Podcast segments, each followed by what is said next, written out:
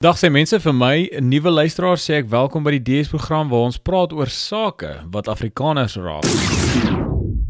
Is aangeraai deur kritisie om nie te sê julle pragtige bliksems nie want dit klink te veel na die Philly D show se inleiding. Alhoewel hy sê what's up you beautiful bastards wat eintlik beteken hoe lyk dinge julle beeldskone hoerskinders. Tog moet ek aanvaar dat die kritisie dalk 'n punt het. So nou vra ek julle my luisteraars vir hulp. Moet ek aanhou met my jingle vir die kritisie sê om in hulle moerin te vlieg of moet ek net dood eenvoudig met die episode begin? Soos ek al voorheen gesê het, ek waardeer julle opinies. Uh, so laat my weet in daai kommentaare op Twitter. In hierdie episode kyk ons na die belofte lied en musiekvideo wat onlangs uitgereik is. En weer eens ek sal soos altyd die skakel tot hierdie lied en ook die video en meeste van die goed waarna ek verwys in hierdie podcast onder in die beskrywing afdeling sit sodat jy net daarop kan klik om dit te vind. Ek het na die gelofte video gaan kyk en gaan luister en ook die daaropvolgende artikel van ene Hans Pinaar in Business Day gaan lees. En soos ons ook hierso op die DS program doen, ons gaan kyk na die kommentare vir en teen die video. En hier's wat ons gevind het. Op daai kommentare sê 'n persoon met die naam Kobus Burger sê: "Fantastiese idee om die gelofte te toon sê, briljant gedoen." Morney Lotter sê: "Wow, loof die Here. God seën julle en God seën Suid-Afrika. Ek het nog nooit die dag vergeet nie, maar is so dankbaar vir hierdie pragtige lied, vriende." Aan die ander kant sê Ian Fraser weer in Engels: "Amazing how you think that your God favored the lives of one nation or ethnic group over the rest, I guess the British gods were stronger when they defeated the Boer and put them in concentration camps. En dan weer lees ek hier uit Hans Pinaar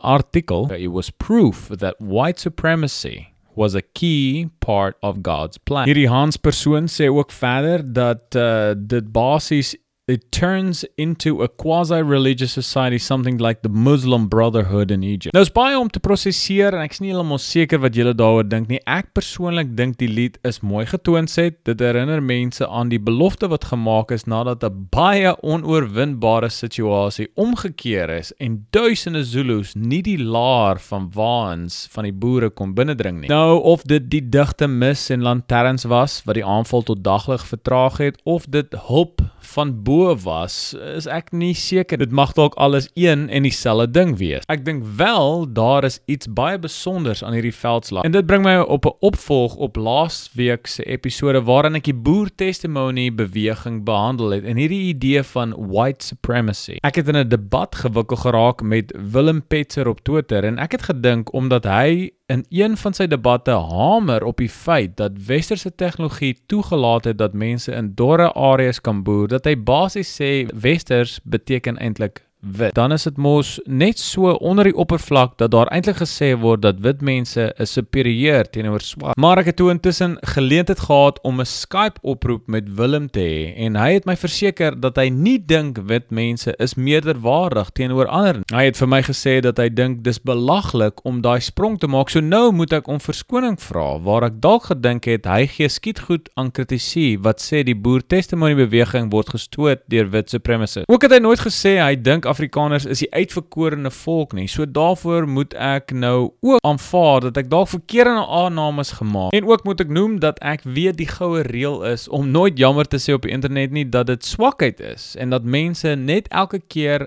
gaan terugwys na die keer toe jy verkeerd was om enige argument in die toekoms teen jou te staan. Maar ek glo nie daaraan nie. Ek glo dit is 'n sterk punt om te kan weet jy was verkeerd, nuwe inligting te kan inneem en om jou idees verder te vorm en so 'n sterker wyser persoon aan die ander kant uit te tree. Of natuurlik kan jy net aanhou glo dat jy uh, is altyd reg, dat jy nooit foute maak nie en dat jy net die coolste kat in die kontry is. Onkunde is saligheid, maar dis nie vir ons hier op die DS program nie. Nog 'n interessante ding wat opgekom het in die gesprek met Willem was die kwessie van anonieme profile. Ek sal maklik 1 dollar 'n maand kan betaal. Dis nou 14 of 15 rand vir 'n Twitter met net geverifieerde rekeninge sonder bots en mense wat hulle regte name gebruik. Dit sal natuurlik die probleem van tuistering en ad hominem aanvalle baie verminder of so dink ek. Ek het al gevind mense wat agter hierdie anonieme profile skuil is gewoonlik geneig om nie regtig oor die punt wat jy probeer maak te debatteer nie. Hulle is gewoonlik die mense wat ad hominem of jou maklik net sal sê jy's 'n doos man, jy weet niks waarvan jy praat nie en uh, mag jou kinders vrek aan kanker of so iets soos dit. Ek meen hulle het nie regtig 'n punt om te maak nie. Uiteindelik is dit net verblydend om te sien daar is soveel jong stemme wat opkom en betrokke raak. Miskien dalk dalk miskien kan ons dan net as Afrikaners beter wees in hoe ons